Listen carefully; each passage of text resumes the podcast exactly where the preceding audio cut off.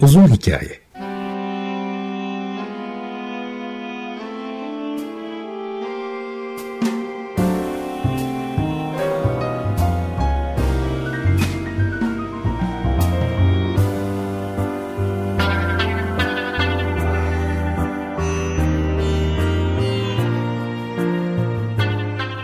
Hazırlayan ve sunan Muzaffer Çorlu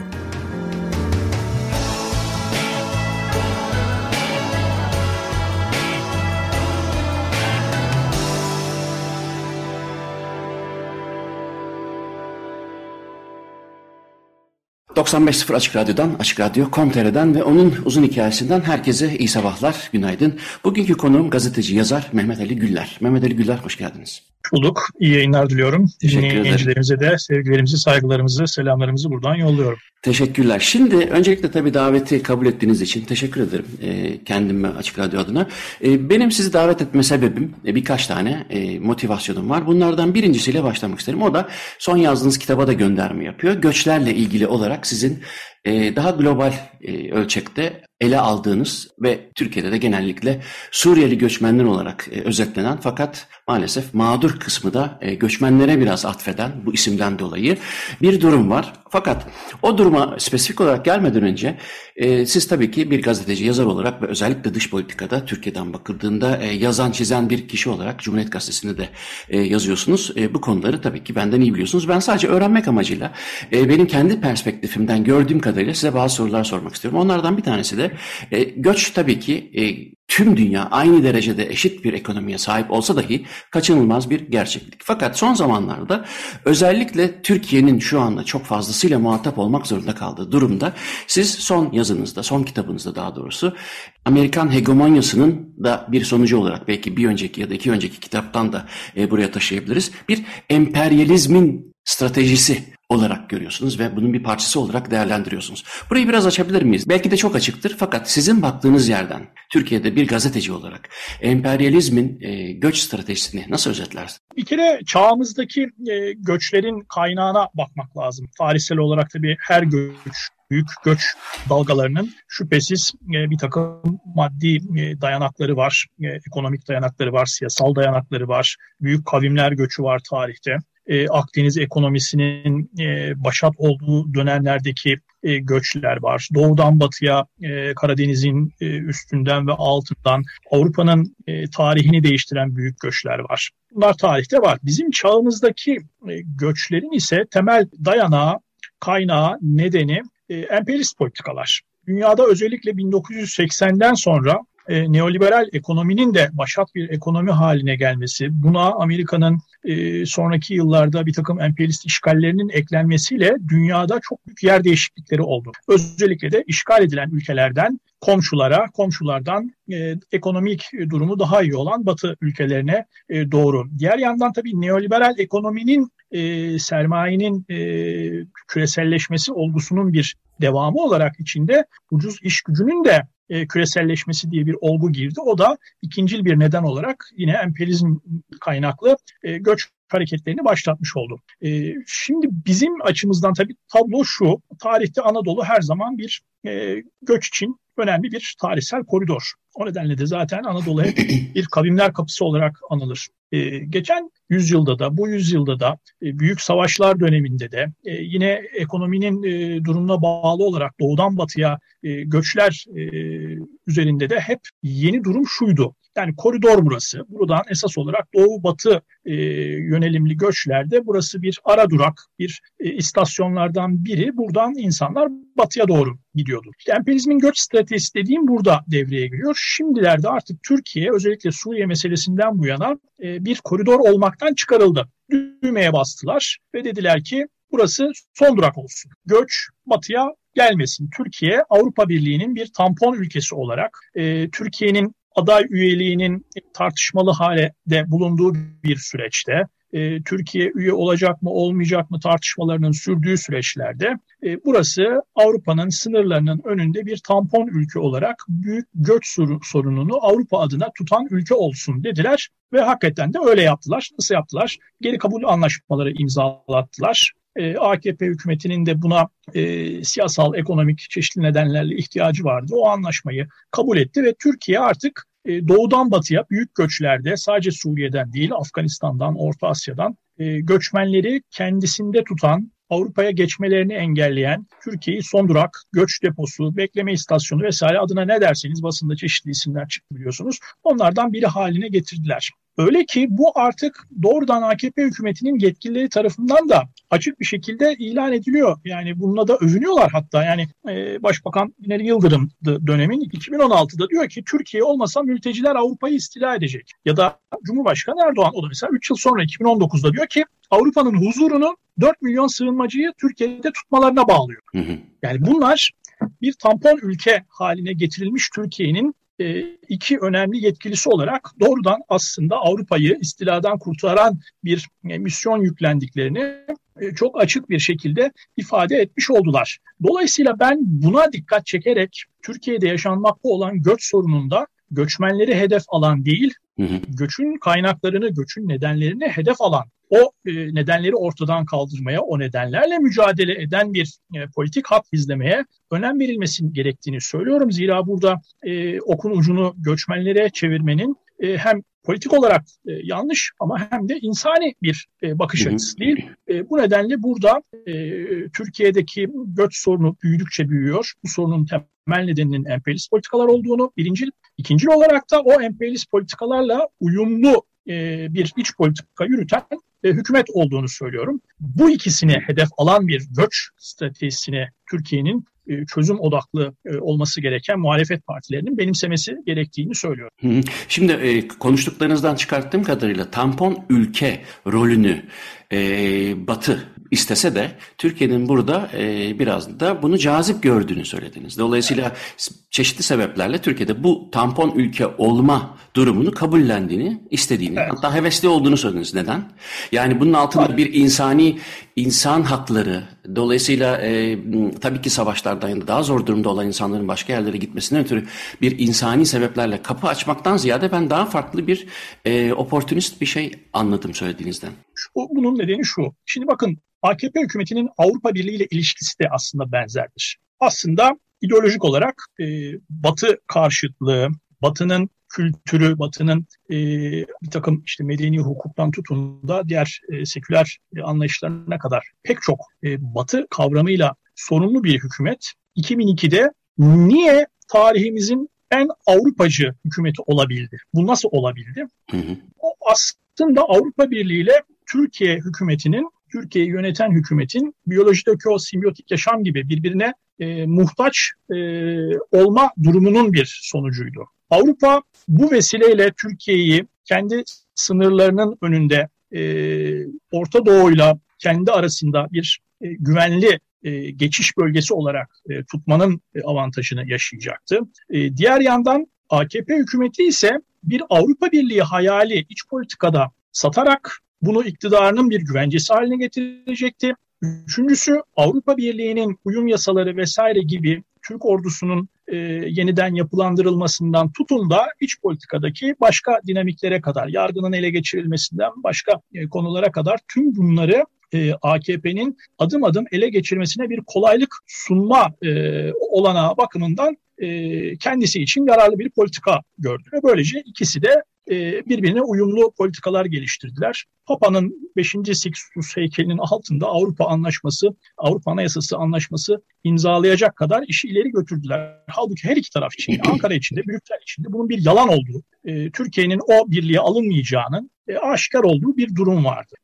Bu ilişki geri kabul anlaşmalarında da farklı yönlerle uygulandı. Nasıl uygulandı? Bir, bunun karşılığında işin sadece bir parasal boyutu konuşuldu ama o Türkiye'deki göçmen sorununun e, yarattığı ekonomik yükün e, karşılayacak bir meblağ değil konuşulan meblağlar. 3 milyardır, 5 milyardır. Bunlar e, o meblağlar değil. Burada esas mesele şu. AKP hükümeti bu uygulamaları imzalayarak Avrupa'nın siyasi desteğini almış oluyor. Bir. iki Mesele 3 milyar değil, mesele e, batı kaynaklı kredi musluklarını açık tutabilmenin olanağı oluyor bu anlaşmalar.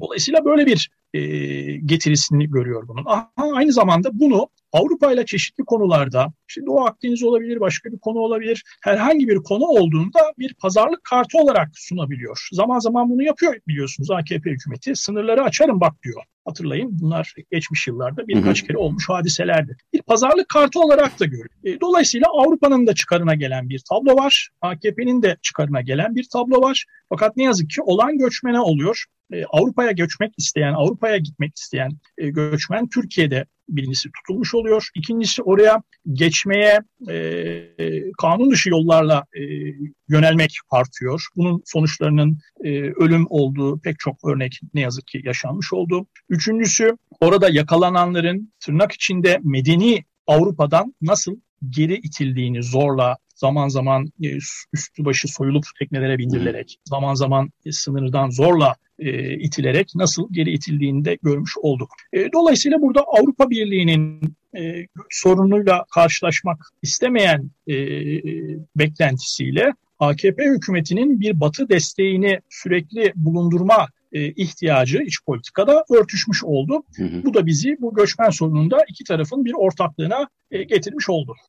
Şimdi göçmenlik neredeyse kaçınılmaz bir olgu aslında. Sadece 1980'lerden değil çok daha öncesine giden değil mi? Çin'in özellikle Çin'den Afganistan'a, Tayvan'a bir sürü e, göçmenlik var ama Türkiye denince akla... Tarihin başından beri böyle. Yani e, ilk evet, uygarlığın evet, evet. ortaya çıkışı çoban toplum yani göçe, göçebe toplumlar, tarım Ondan toplumları... da önce Homo sapiensler, Neandertaller Tabii bile... Yani işin başına girersek Afrika'da bugünkü mevcut teorilere göre Afrika'dan kalkıp Tabii. insanlığın bütün dünyaya dağılması e, büyük göç hareketleri. Biz Hı-hı. kendi yaşantımızda da küçük göç hareketleri, ülke içi göç hareketleri zaten yapıyoruz. İşte siz e, yurt dışında e, bulunuyorsunuz. Ben doğduğum yerde değil, işte üniversite vesaire e, durumları sonra iş yaşamı başka bir yere ülke içinde de olsa göçmüş oluyorum. Göç göç hareketleri hepimizin e, hayatında var. Ama bugün bizim konuştuğumuz ve evet. sorun olan bu tip göç hareketleri değil. Evet. E, emperyalist e, istila işgal programlarıyla ortaya çıkmış rejim değiştirme, ulus inşa etme diye ta 2000'li yıllardan bu yana başlatılmış Amerikan politikalarının bir tezahürü olarak önümüzde duruyor. Bugün ağırlıklı konuşulan Suriye, tabii Hı-hı. Suriyeli göçmen sayısının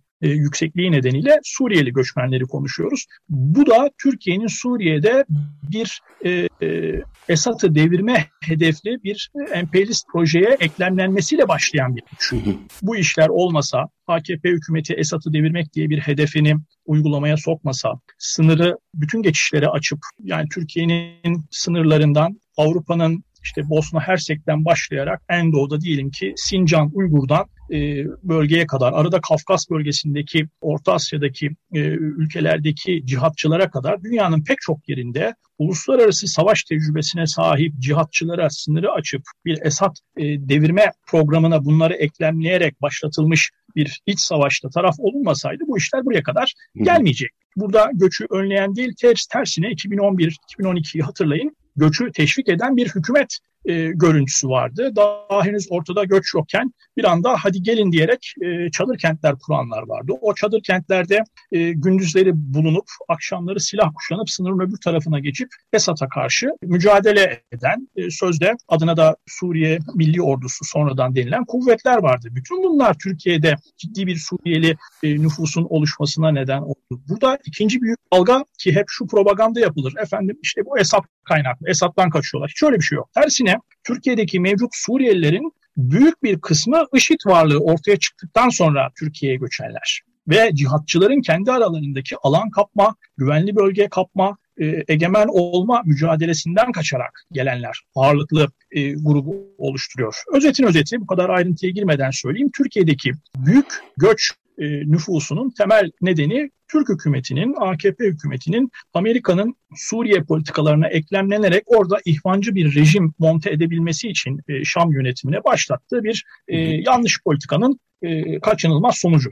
Peki biraz önce dediniz ki Avrupa Birliği'nin sonuçta bu işine geliyor. Türkiye'nin de kendi çıkarları e, nedeniyle böyle bir e, semiotik yaşam var. Fakat bu e, tampon ülke durumu sürdürülebilir bir şey mi? Yani e, bu daha ne kadar devam edebilir? Çünkü sonuçta bu e, bir yerde kopacaktır. Çünkü ne e, sürdürülebilirliği var göçmen insan sayısından e, ne de Türkiye'nin sadece dışarıdan yardım alarak kendi zaten tahmin ettiğim kadarıyla zor olan ekonomisiyle bunu sürdürebilme durumu yok. Ama Avrupa'nın da e, emin eminim ki benim bildiğim doğup büyüdüğüm Avrupa'nın da A, B, C, D, E, F planları kesin vardır. Şu an belki A planından bahsediyoruz. Dolayısıyla sürdürülebilir olup olmadığını bir soracağım. Muhtemelen değilse de e, nedir Avrupa'nın planı ya da Türkiye'nin buna karşı bekenti nedir? E, bunun Türkiye açısından e, sürdürülebilir olmadığı ortada. Hatta pek çok ülke açısından bu yoğunlukta bir e, göçmen e, nüfusu e, barındırabilmenin sürdürülebilir olmayacağı aşikar. Hele de Türkiye gibi ekonomisi bu kadar kırılgan olan bir ülkede e, nüfusun neredeyse %8, %9 mertebesine kadar ulaşmış bir göçmen varlığı çok ciddi bir e, sorun artık. Bunun e, zamanla başka alanlarda da sorun yaratma potansiyelini görmemiz lazım. E, aslında çok değil, daha bir, bir ay öncesine kadar e, Cumhurbaşkanı Erdoğan e, finansmanını sağlayıp göçmen aldık, finansmanını sağlayıp almaya da daha devam edeceğiz demişti. Anımsayın e, ana muhalefet e, partisi lideri Kılıçdaroğlu'nun göçmenlerle ilgili söylemleri üzerine. Fakat son bir ayda bu tutumdan e, bir geri adım atmaya başladılar. Bir kere e, göçmen sorununun kendi tabanlarında da ciddi bir ekonomik endişe olarak ortaya çıkmaya başladığını gördüler. E, vatandaş netice itibariyle kendi cebindeki e, parasal erozyonun, e, ekonomik sıkıntıların e, kaynaklarını düşünmeye başladığında ne yazık ki listenin en başına kolayca artık göçmeni koyabiliyor. Sanki bütün e, fakirliğinin sebebi oymuş gibi hükümetin ekonomi politikalarına değil de şu anda bir kolaycılıkla e, göç meselesini koymuş oluyor. Fakat bu aynı zamanda AKP tabanı için de artık geçerli. AKP tabanı da ekonomik kırılganlıktan nasibini almaya başladığı için bir göçmen e, suçlama noktasına e, doğru gitmiş oldu. E, dolayısıyla hükümeti zorlayan bir politik olmaya başladı. Diğer yandan muhalefetin bu konuyu çok e, gündeme getiriyor olması, diğer yandan Amerika'nın Afganistan e, tahliye takvimiyle birlikte Afganistan'dan yoğun bir göç başlama e, potansiyelinin, riskinin, tehlikesinin ortaya çıkması, bunun 300 bin sayılarına hızla e, varmış olması da toplumda ciddi endişe yarattı ve hükümet bu nedenle e, ilk söyleminden biraz geri adım attı. Hani göçmenleri böyle zorla göndermeyeceğiz, buna itiraz ediyoruz e, muhalefetin sözlerine dedi ama e, göç sorun olmaya başladı. Artık bunu kaldıramıyoruz demeye başladı. Yeni göçmen almayacağız demeye başladı. Hatta iki gün önce Dışişleri Bakanı Çavuşoğlu göçmenleri geri gönderme çalışmasına başlayacağız dedi. Bu bir ayda çok ciddi neredeyse 180 derecelik bir geri dönüş, geri e, adım olarak nitelenebilecek e, bir yaklaşım oldu. Bu tabii herhangi bir ülke için de zor. Yani diyelim ki Avrupa'nın en güçlü ekonomik olarak e, büyük ülkesi Almanya. Yani 80 milyonluk, 90 milyonluk Almanya'da nüfusun %10'una yakın bir Suriyeli potansiyel oraya taşınmış olsa şimdi çok ciddi bir problem olacak. Almanya'nın Türk işçilerini kabul ettiği dönemlerdeki gibi bir iş gücüne ihtiyaç duyduğu bir durumda olmadığı için e, bütün e, göçmenler artık sorun teşkil etmiş olacak. E, bu nedenle Avrupa'nın tamamı zaten göç meselesine oldukça eski göç anlayışına baktığı, tırnak içinde insan hakları felsefi boyutuyla bakan bir yaklaşımın çok dışına çıkmış durumda ve göçmenlere kategorik olarak itiraz eden bir konumda uzun süredir. Hı hı. Bunun Suriye ve Afganistan konusunda da olduğunu görüyoruz. Dahası şimdi Afganistan meselesi başladığında da e, tahliyelerde hakikaten e, biraz böyle gayri insani tutumlarla 10 tane Afgan aldık, e, 20 tane Afgan aldık diye kendi reklamını yapan hani böyle e, sayı vererek. E, Estonya en son sanırım 10 tane e, evet, rahatlıkla yani, alır. Fakat orada bir şey soracağım. Şimdi buradan bakıldığı zaman e, bağışlayın ama e, mesela benim yaşadığım yer Belçika. Burada da az çok az tabii Türkiye ile kıyaslanamayacak kadar olsa da şöyle bir şey görüyorum. Ee, bir defa onların barınma, yeme içme, iş bulma, işte belli bir süre eğitimden geçmeleri, dillerine e, vesairelerine her türlü e, adaptasyon için gerekli kurslardan sonra ve o, o sıraya kadar da zaten e, minimum şekilde doğru düzgün yaşamaları için gereken yanılmıyorsam 600 euro yakın bir para olsa gerek çok emin değilim ama sonuçta e, her bir göçmenin bu ülke sınırlarına yani Avrupa Birliği'nde tahmin ediyorum her ülke öyle olmalı herhalde ama Belçika'dan bahsedeyim. İçeri girdiği anda e, bir tabi olduğu bir takım e, yasalarla belirlenmiş kesin hakları var. E, Türkiye'de bu durumun böyle olmadığına ilişkin çok şey okuyorum, görüyorum. Tabii ki e, bu şeyi bağışlatmaz tabii. Sayıların çok olması bağışlatmaz ama e, Belçika da kaldıramaz 5 milyonun üstünde bir şey. Fakat kaldıramaz ama kaldırmaya da niyeti yok zaten. Fakat Türkiye evet. bunu yaparken niyeti biraz önce anlattığınız sebeplerden dolayı olabilir. Fakat her bir bireyin bir e, muacir ya da göçmen e, statüsünde.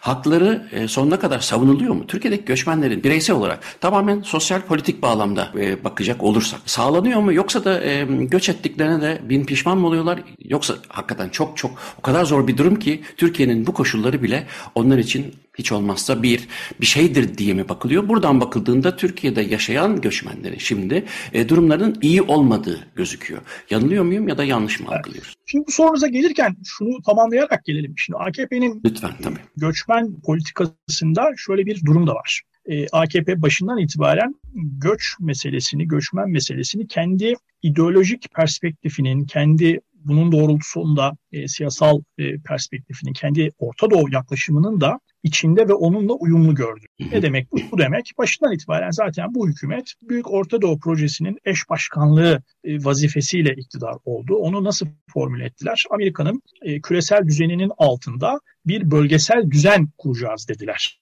Orta Doğu'da. Bunun daha somut açılımı şuydu. AKP hükümeti e, Suriye'nin kuzeyine ve Irak'ın kuzeyine doğru Türkiye'yi Kürtlerle genişletmek diye tarif ettiği bir e, siyaset uyguladı. Bunun da iç politikadaki uygulaması Kürt açılımı oldu. Şimdi bu hedef olunca siz e, gelen göçmeni e, politikalarınıza sorun olarak görmüyorsunuz zaten. Tam tersine onun içini dolduran bir yaklaşım oluyor. E, milliyetçiliğin yerine ümmetçiliğin aldığı bir ideolojinin e, siyasal partisinde göçmen bu bakımdan zaten bir sorun teşkil ediyor. E, yani bu yeni Osmanlıcılık, Türkiye'yi e, eski misak-ı milli ilk ilan edilmiş hali olan diyerek Suriye ve Kuzey Suriye'nin ve Irak'ın kuzeyine genişletme hedefleri vesaire vesaire şimdi 82. il Kerkük, 83 Halep diye bir takım siyasal hedefler koymak göçmen politikasıyla oldukça uyumluydu. Bir kere bunu belirtelim. Şimdi gelelim peki göçmenin Türkiye'deki durumuna. Yani Belçika örneğini verdiniz. Kuvvetle muhtemel Avrupa'nın başka ülkelerinde de 3 aşağı 5 yukarı benzerdir. Ama Türkiye'de bu benzer değil. Bir kere e, yasal olarak e, benzer değil. Şundan 51 tarihli e, Cenevre Sözleşmesi bütün dünya açısından e, göçmenlerin e, durumuyla ilgili e, anlaşmadır. Türkiye o anlaşmayı e, şartlı şerh koyarak kabul etmiş durumda. Şartı ve şerhi nedir? Coğrafi sınırlama. Yani Türkiye e, sadece batıdan gelen göçmenleri e, mülteci statüsüne alabiliyor. Dolayısıyla Türkiye açısından şu anda yasal olarak bir e, sıkıntılı durum var. Yani Suriye'den gelenler ya da Afganistan'dan gelenler ya da işte Özbekistan'dan, e, Türkmenistan'dan, Tacikistan'dan herhangi bir yerden gelenler e, mülteci olamıyor yasal olarak. Sığınmacı bile olamıyorlar. Çünkü sığınmacılık da o mülteciliğe giden e, süreçte bir hukuki kavram korunma altındaki sığınmacı statüsünde bulunmak diye bir yasal e, hakları var. Şimdi birinci zorluk bu sorunuzun cevabı olarak. İkincisi şu, Türkiye'deki yani Belçika'ya gidenler sınırı geçmiş, kayıt altına alınmış bilinen e, göçmenlerdir. Şimdi Türkiye'de bu yok. Biz kayıt altında olanların dışındaki en az bunun kadar olduğu tahmin edilen e, Nedir bu rakam? Şimdi mesela Suriyeliler konusunda telaffuz edilen resmi 3.6 milyon kayıtlı Suriyeli var. Kayıtlı olan. Kayıtlı ama 5.5 milyon olduğu e, çeşitli bu konularda e, çalışma yapan akademisyenlerin, bu konularda çalışma yapan e, Birleşmiş Milletler Mülteciler Yüksek Kurulu'nun altında bir takım çalışmalar yürütenlerin saptadığı rakamlar 5,5 milyon. Dolayısıyla e, en az e, kendisi kadar kayıt dışı olanlar var. Bu şekilde zaten bizim meselelere e, bir çare getirebilme potansiyeli yok. Kimler de belli değil. 81 ile dağılmış e, Suriyeliler var. E, üstelik şöyle de handikaplar var. E, bu Suriyelilerin bir kısmı artık 10 yıl geçti. E, iyi kötü büyük şehirlerde iş buldular. Ee, daha önce doğmuş ve işte Türkiye'ye geldiğinde 3-4 yaşında olan çocukları e, işte mahallelerde Türkçe öğrenmeye başladılar. Hatta burada okum, burada doğmuş ve artık burada okula başlamış çocukları var. E, oldukça tabii iç içe geçen Suriyeliler de var. Ayrı yaşayanlar da var. Yani get dolaşılan e, bölgelerde var. hatta işte Kilis gibi, Kilis çok ilginç bir örnektir. Suriyeli nüfusun, Türk nüfusun üstüne çıktığı iller var. %75'i şu anki Kilis nüfusunun %75'i Suriyeli. Sadece %25'i Türk. Şimdi bu e, ciddi bir sosyolojik sorun, siyasal sorun e, potansiyeli taşıyan durumlar.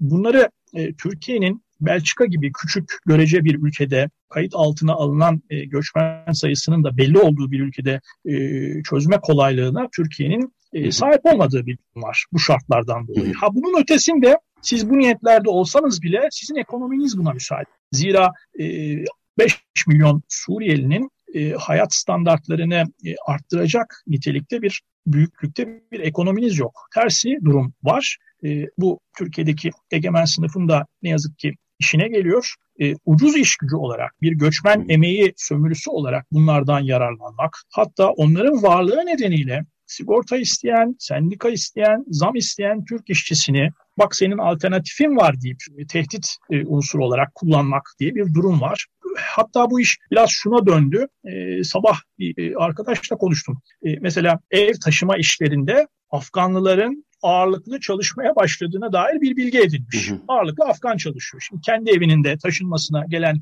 ekipte 8 kişilik bir ekip, 7'si Afgan. Yani bir sektörlerde hangi gruplar var Bu bile çok ciddi bir, bir gösterge. dolar gitmiş. Tabii şimdi zaman zaman okuyoruz. Ee, Türkiye'de mesela benim ilgimi çeken konulardan biriydi.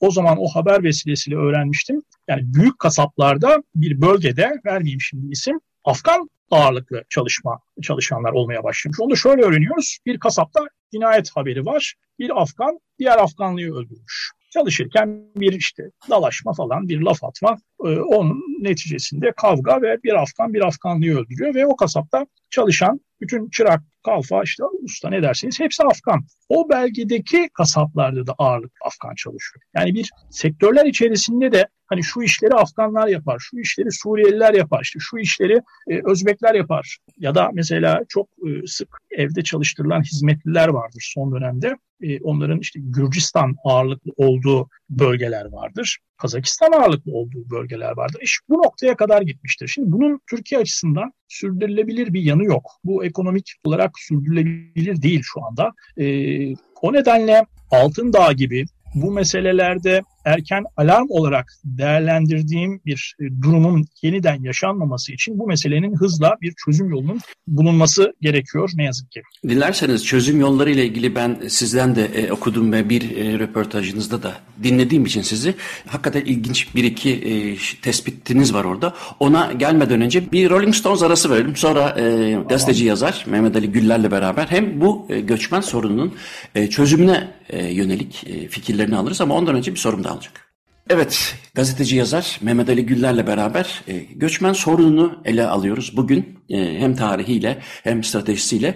Ben şimdi tabii bunun çözümüne ilişkin sizin fikirlerinizi almadan önce yine gene Suriye'nin Servi, Amerikan e, Koridoru adlı kitabınızda e, ilgimi çeken e, bir şey var. E, o da e, e, benim tabii ilgimi çekmesi e, konunun ilginç olmasından değil, benim bu konulara çok uzak olmamdan. E, dolayısıyla belki çekecek çok çok daha fazla şey vardır ama benim e, gördüğüm kadarıyla en altını çizdiğim şey güç dengesinin çok ciddi şekilde değişmiş olması ya da e, ola geldiği ve de çok da hızlıca daha da değişeceği Pasifikçilerle galiba e, Avrasyacıların e, Suriye'de bir e, savaşı yönettiğini fakat bunun Amerika'nın güç kaybettiğini dolayısıyla Amerika'nın e, üretemediğini Amerika'da üretemedikçe bu savaşı sürdüremeyeceğini dolayısıyla güç merkezinin oradan kayacağını söylüyorsunuz ki bu göç meselesinin de aslında bir yerinde duruyor. Burayı açalım ondan sonra sorunun çözümüne ilişkin fikirlerinizi alacağım. Evet. Geçen yüzyıl tabii Amerika'nın e, küresel bir lider olduğu e, bir yüzyıldı.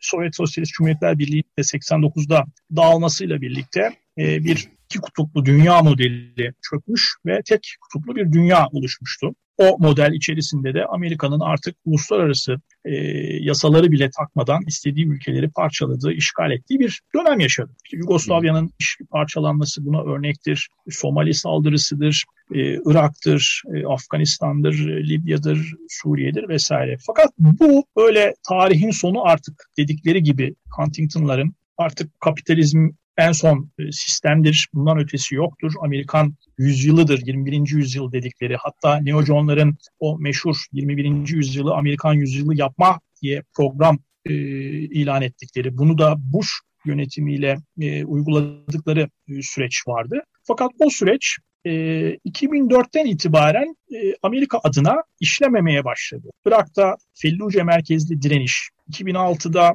e, Hizbullah'ın İsrail'e e, çok ciddi bir yanıt vermesi, 2008'de Amerika'nın Kafkas planı çerçevesinde e, Gürcistan e, merkezli yürüttüğü faaliyetlerin doğrudan Rusya'nın bir askeri hamleyle e, buna bir cevap vermesi, e, sahadaki dengeleri değiştirmeye başladı. Yine 2007, 2008, 2007'deki bir e, konut ekonomisinin e, patlamasıyla balon olan e, durum ciddi bir küresel ekonomik krize neden olmuş oldu. Bütün bunlar birleşince Amerika açısından geri adımların atılma zorunluluğunun ortaya çıktığı koşullar. Amerikan ekonomisinin gücü de bu süreçte azalmaya başladı. Eskiden Amerika özellikle 2. Dünya Savaşı'ndan sonra neredeyse dünya üretiminin yarısını tek başına yapan bir ülkeydi. Şimdilerde bu oran %20'lere düşmüş oldu. Amerikan ekonomisi satın alma paritesi e, endeksiyle bakıldığında Çin ekonomisi tarafından geçilmiş oldu.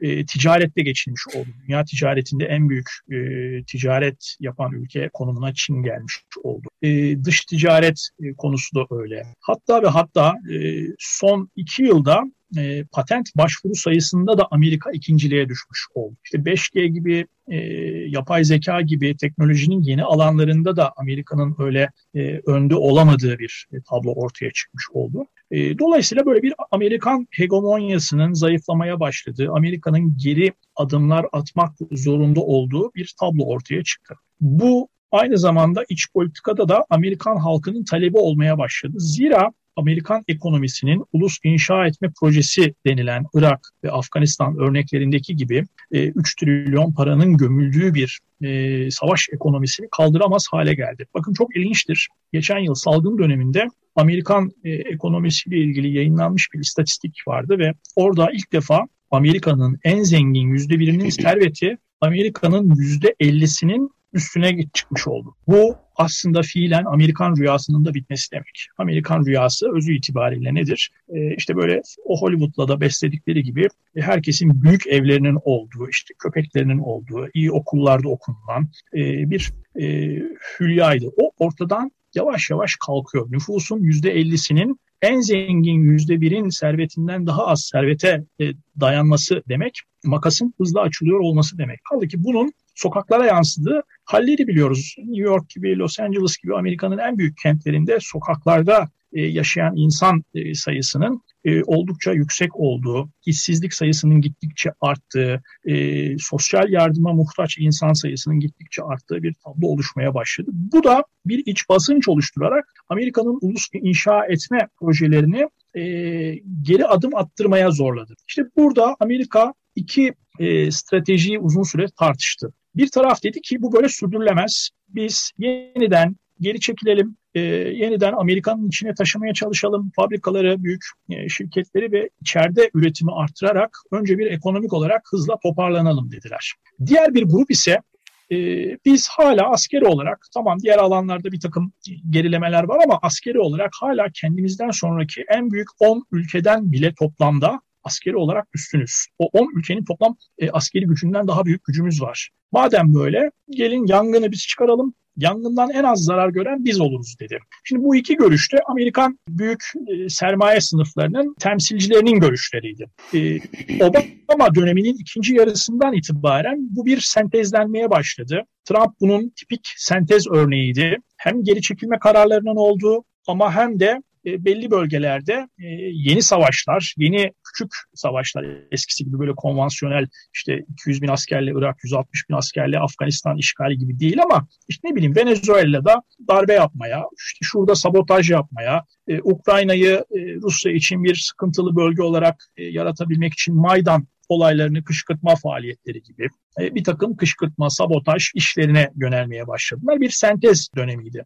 Aslında Biden'ınki de o sentez döneminin devamı. Nitekim bu Afganistan'dan geri çekilme kararı da öyle Biden'ın aldığı bir karar değil. Aslında bu daha Obama döneminde 2014'te Amerika'nın Afganistan'dan geri çekilme kararını aldığı, bunun büyük oranda 2015-2020 yılları arasında 5 yıl boyunca Trump tarafından e, uygulandığı, nihayetinde Trump'ın son yılında Doha'da bir anlaşma yapıldığı ve en son kalan 2500 askerin Biden tarafından e, anlaşmayı nihayetlendirmek üzere geri çektiği bir süreç. Yani toplam 7 yıllık bir süreç. Bu 7 yıllık Afganistan'dan parça parça geri çekilme aslında tüm dünya politikası bakımından da hegemonyanın nasıl zayıfladığını gösteren çok önemli bir e, takvimsel şey dur- durumudur. E, böyle baktığımızda olayı görmemizi sağlayan bir e, takvimin ta kendisidir. E, böyle olduğu için de şimdi Amerika ile Asya arasında ciddi güç rekabetinin e, belli düğüm noktalarında kilitlendiği, belli düğüm noktalarında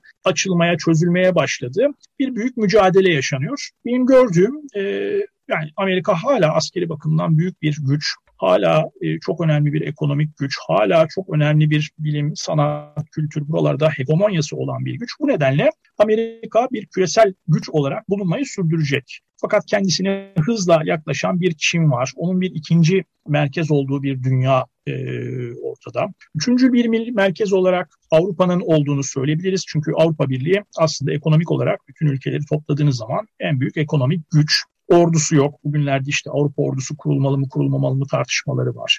Ee, bir stratejik özellik ilan edilerek Amerika'dan daha bağımsız hareket etme e, niyetleri var. Dolayısıyla Avrupa Birliği'nin de yeni bir dünyanın e, üçüncül e, merkezi olacağını söyleyebiliriz. Diğer yandan Rusya var. Her ne kadar nüfus ve ekonomisi e, böyle büyük bir merkez olmayı sağlamasa da Sovyetler Birliği'nden kalma e, askeri kapasitesi, nükleer gücü e, ve biraz da tabii e, ta Rusyası'ndan bu yana e, aldığı kökleşmiş bir diplomasi yeteneğiyle onun da bir dördüncü e, merkez olduğu bir dünya var. Fakat bir de beşinci merkez olarak e, nüfusuyla hızla yükselen ekonomisiyle Hindistan'ın olmaya başladığını görüyoruz. E, benim gördüğüm işte önümüzdeki 10 yıllar içerisinde bu beş merkezin büyük güç mücadelesinin yaşanacağı bir yeni dünyaya girmiş olduk. 21. yüzyılın Afrikan yüzyılı olma hedefleri gerçekleşmedi. 21. yüzyıl 5 merkezin e, bir küresel güç mücadelesi yaptığı yeni bir dünya olacak. Şimdi hazır göçmenlikten başlamıştık ve sürdürülemez olduğunu da anlattıktan sonra şu çözüm önerilerine ya da daha doğrusu sizin söylediğiniz çözüm önerilerine geçelim. Ama şimdi tabii ki göçmen deyince ki ben de benim babam da benim dedem de göçmen olduğu için dedemler e, Balkanlardan İstanbul'a onlar İstanbul'dan Almanya'ya ben Almanya'da doğmuşum sonra ben tekrar İstanbul'a İstanbul'dan Belçika'ya e, göçmen psikolojisi nedir çok iyi bildiğimi düşünüyorum. Ama buradaki Avrupa'daki insanların değil, Türkiye'deki insanların da çoğu göçmen. Fakat ayrımını da yaptığınız üzere bu bahsettiğimiz göçmenlik şimdi e, üzerinde durduğumuz Suriye'deki göçmenlerle ilgili olan bir e, hem psikolojik tarafıyla hem e, stratejik tarafıyla çok farklı. Fakat bu bir o kadar da aslında e, tıpkı Hollandalıların zamanında İrlandalıların Amerika'da e, aradan belli bir yıl geçtikten sonra düşman kabul edilmesi gibi yani göçmenlik düşmanlığı, e, nefreti başlaması gibi Türkiye'deki bu e, göçmen karşıtlığı, karşıtlığı demeyelim hatta e, sevmezliği, istemezliği e, çok hızlı başladı. Normalde bir göçmen düşmanlığından e, bahsetmek için aradan e, çok ciddi bir zaman geçer. 10 yıl, 15 yıl geçer.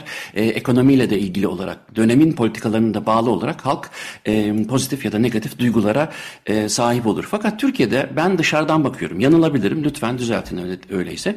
E, gördüğüm kadarıyla bu göçmen karşıtlığı ve de antipatisi ve de istememe durumu çok çabuk gelişti. Çünkü sanıyorum e, ağırlıklı olarak son 5-6 yıldan bahsediyoruz. Suriyeli göçmenlerin sayısının milyonlara ulaşması.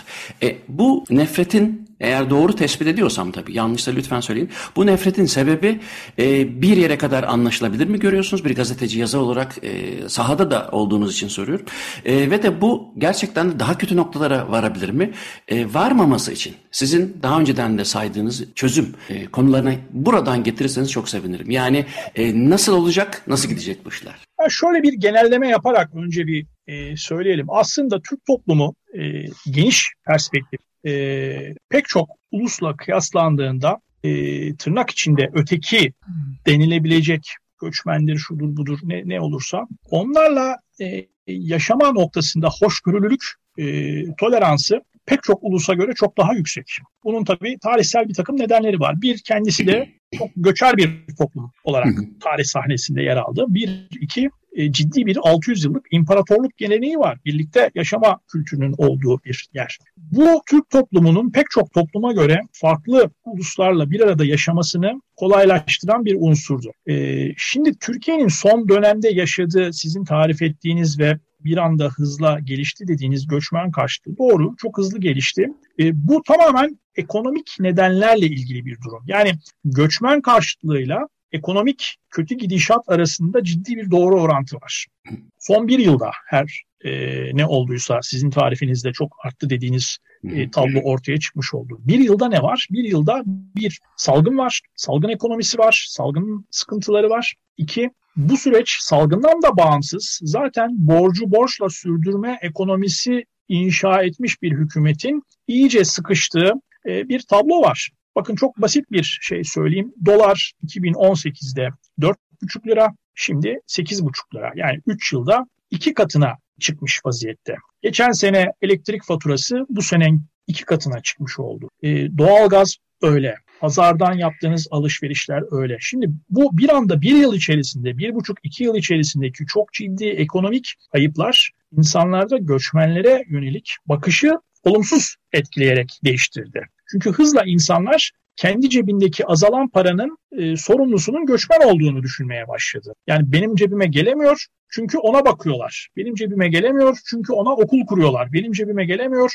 çünkü ona maaş ödüyorlar demeye başladı. Ha, bunun doğru olmadığı ayrı bir tartışma. Ama insanlar e, böyle düşünmeye başladı ve göçmen sayısının artmasıyla birlikte e, bu iş yükseldi. Bir bu. iki e, ister istemez Türk toplumunun belleğinde Suriyeli göçmen sorunlarının başlaması ya da bir Suriye iç savaşı dediğimiz e, olgunun başlamasıyla birlikte e, bir de içeride patlayan bombalar sorunu Türk toplumunun belleğine yerleşti. O sınırın demin söylediğim cihatçılara açılması sürecinde bu aynı zamanda tersinden Türkiye'ye de cihatçı girişine ve cihatçıların işte IŞİD'in bombaladığı e, çeşitli Türkiye'de olaylar oldu. Yüzlerce insan e, değişik saldırılarda yaşamını kaybetti. Şimdi bunlar da Türk toplumunun belleğinde. Özellikle son dönemde Afganistan göçünün başlamasıyla birlikte acaba bunların içerisinde de teröristler var mıdır deyip o bombalı günlere doğru bir bellek dönümü oldu ve insanlar tedirgin olmaya başladı. Şimdi bu da bir göçmen karşıtlığını son dönemde, son aylarda hızla arttıran, tetikleyen nedenlerden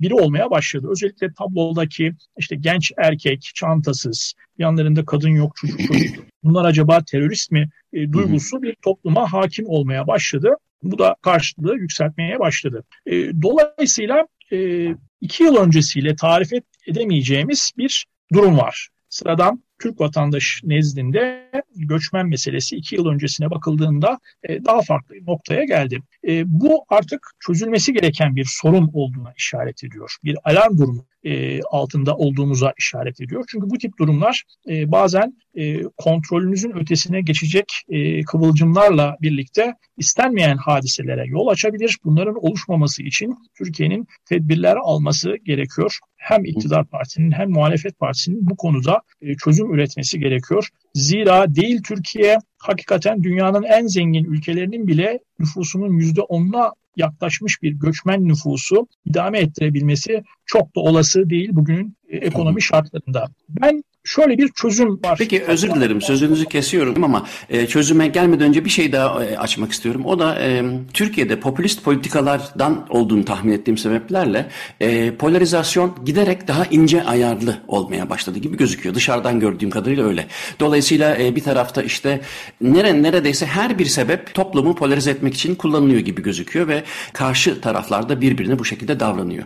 Yani polarizasyona bu kadar eğilimli ve bu politikalardan e, onlarca yıldır nasibini almış bir topluluk olarak bir de yeni bir e, parametre olarak göçmen sorununun da sürülebilir olmadığı çok ayan beyan ortada. Kaldı ki geçtiğimiz günlerde e, ölümle sonuçlanan e, şiddet olayı oldu değil mi? E, söylemiştiniz yerin adını. E, altında. Aa, altında. altında. Evet, evet, evet altı, Ankara'da üstelik. E, fakat bunun da tekrarlarının olacağını arkasında bir açıdan da popülist politikaların olduğuna ilişkin yazılar okuyorum.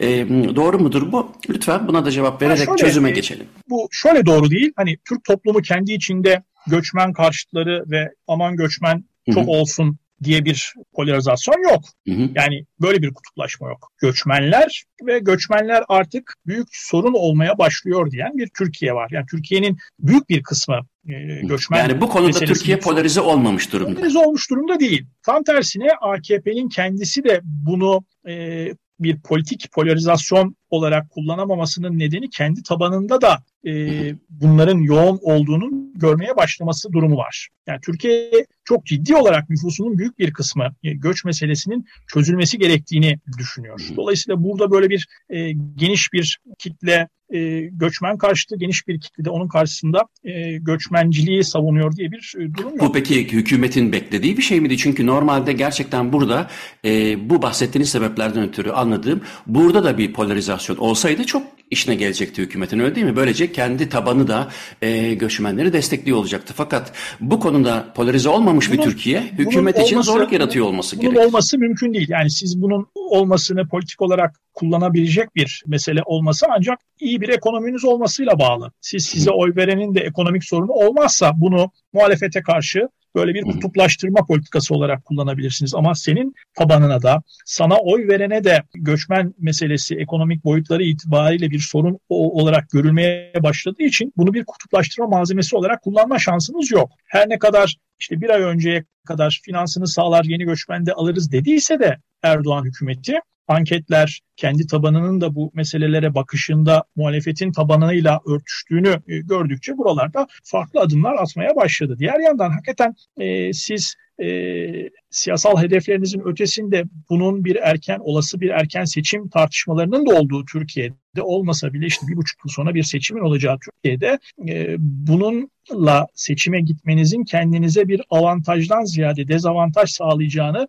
görmeye başlıyorsunuz ve e, işte farklı bir politika izlemeye başlıyorsunuz. O nedenle burada ben göçmen meselesinin bir kutuplaşma politikasına dönüştürülme şansı görmüyorum. E, gördüğüm şey şu, eğer çözüm bulunmazsa e, tersine göçmenleri hedef alma iklimi artacak. Bu bir siyasal iklime dönüşecek. Böyle iklimlerde herkes açısından sıkıntılıdır. Göçmen açısından tabii öncelikle sıkıntı olacaktır. Ama Türk toplumunda da böyle bir e, siyasal iklim hakim olduğu için Türk toplumu açısından da sakat bir durum olacaktır. Dolayısıyla işin o e, durumlara gelmesine müsaade etmeden hızla çözüm politikaları belirlemek lazım. Göçmenler için de bu en sağlıklısıdır. E, Türk toplumu açısından da bu en sağlıklısıdır. O zaman çözüme geçelim e, son e, konu olarak da. Çünkü e, evet. gene bir konuşmanızda ben çok çok iyi e, tespit ettiğinizi düşünüyorum. Orada göçmenin kendisi mağdurdur.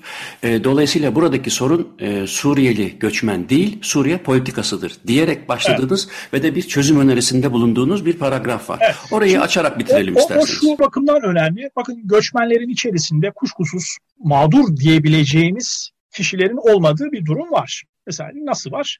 Erdoğan hükümeti 250 bin dolar verene vatandaşlık verdi. Şimdi 250 bin dolarını kendi vatan savunmasında kullanmayıp onu oralardan hızla çekip buralarda gelip rahat yaşamak adına vatandaşlık alan adamla ben e, çaresizlik içerisinde çocuklarıyla birlikte kaçıp işte Türkiye'nin e, herhangi bir sokağının köşesinde dilenerek geçinmek zorunda olan Suriyeli göçmeni aynı kefeye koyamam. Bu ikisi çok farklı insanlar. Biri hatta Bunların içlerinde böyle haberler de biliyoruz. Suriye'de savaşın şartlarında oralarda soygunculuk yapıp, hırsızlık yapıp oradaki bir takım fabrikaların da parçalarını satarak Türkiye'de bir takım başka kişilerle anlaşarak getirip buralarda servet e, yapıp bir Türk pasaportu alarak başka bir hayat yaşayan insanlar da var. Fakat bu toplam göçmenlerin içerisinde çok az. Yani hükümetin verdiği rakamlardan hareket edersek 10 bin kişiye yaklaşık vatandaşlık verdiler. Bu 5,5 milyonda 10 bin kişi demek. Dolayısıyla göçmenlerin büyük bir kısmı hakikaten mazlum diyeceğimiz mağdur durumdaki insanlar. E, günlük hayatımızda da e, gördüğümüz insanlar. Onlarla o 10 bin kişiyi aynı kefeye koymamak gerekiyor. Ben hatta çözüm önerilerinden birinin bu vatandaşlık kanunu da değiştirip o vatandaşlık verilen Suriyelileri de e, tekrar vatandaşlıktan çıkarılması gerektiğini, o paralarında e, ait olduğu, onlar Suriye halkının paralarıdır. Oralara gönderilmesinin yolunu iyi komşuluk örneği olarak da bir iktidar değişikliğinde yapılması gerektiğini savunuyor. Motivasyonundan bahsediyordunuz. O evet, orası önemli. Motive etmek. Şimdi, Nasıl? Çünkü insani temel... yollarla bir hayat kurulduktan sonra e, git demek zaten hem diplomatik olaraktan önce psikolojik olarak doğru değil, insani sebeplerle ama motive edilmesinden bahsediyoruz. Orayı bakın, daha çok merak ediyorum. Yani Türkiye'nin önünde tabii bütün Suriyelileri toplayıp zorla sınır dışı etmek önünde bir uluslararası engel yok, yasa yok yani. Fakat tabii uluslararası yasalar aynı zamanda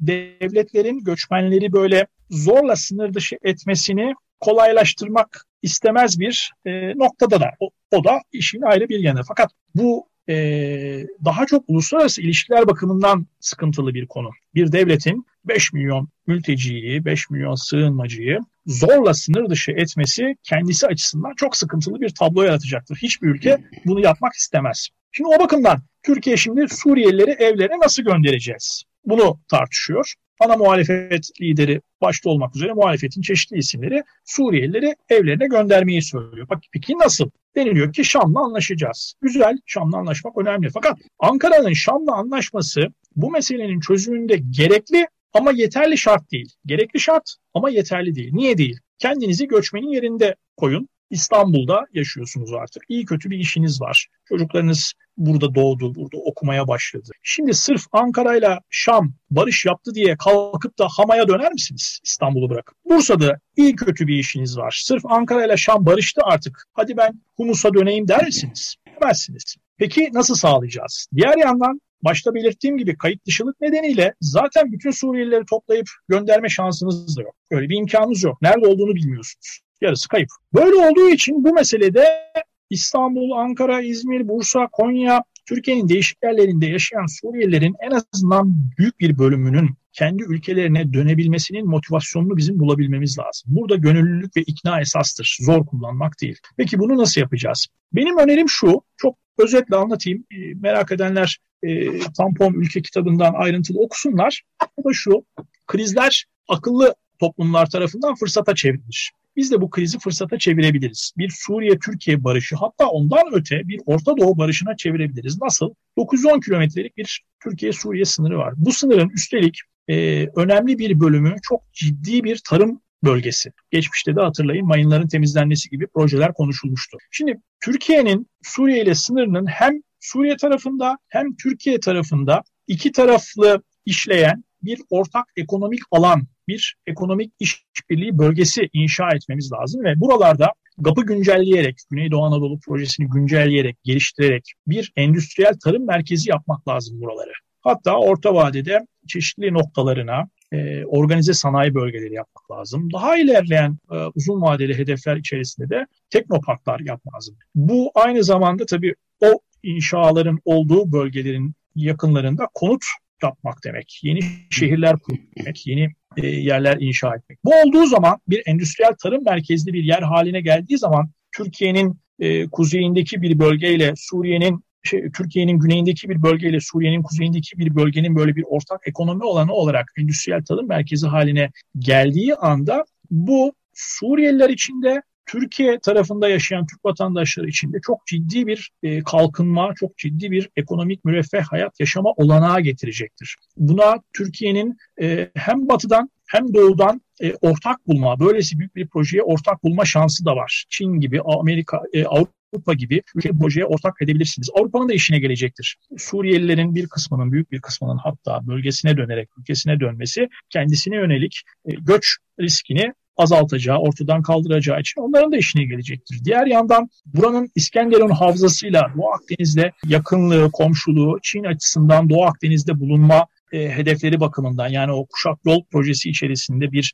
e, hat olması bakımından da önemlidir. Kendisi zaten İsrail'de işte bir liman kiraladı Çin biliyorsunuz. Yunanistan'da buralarda zaten bulunmaya çalışıyor ve büyük oranda bulunmaya başladı.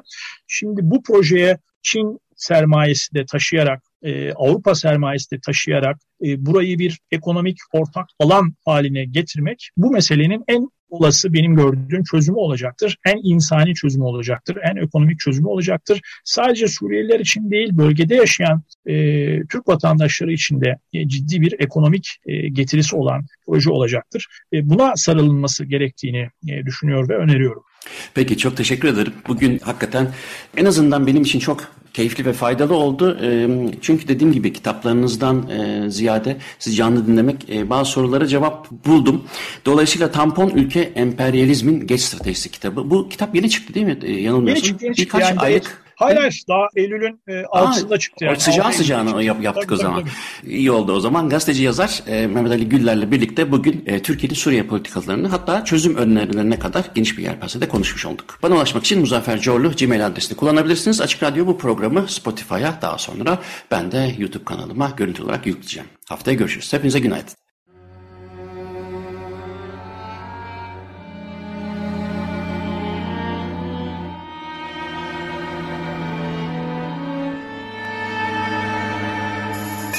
Uzun Hikaye.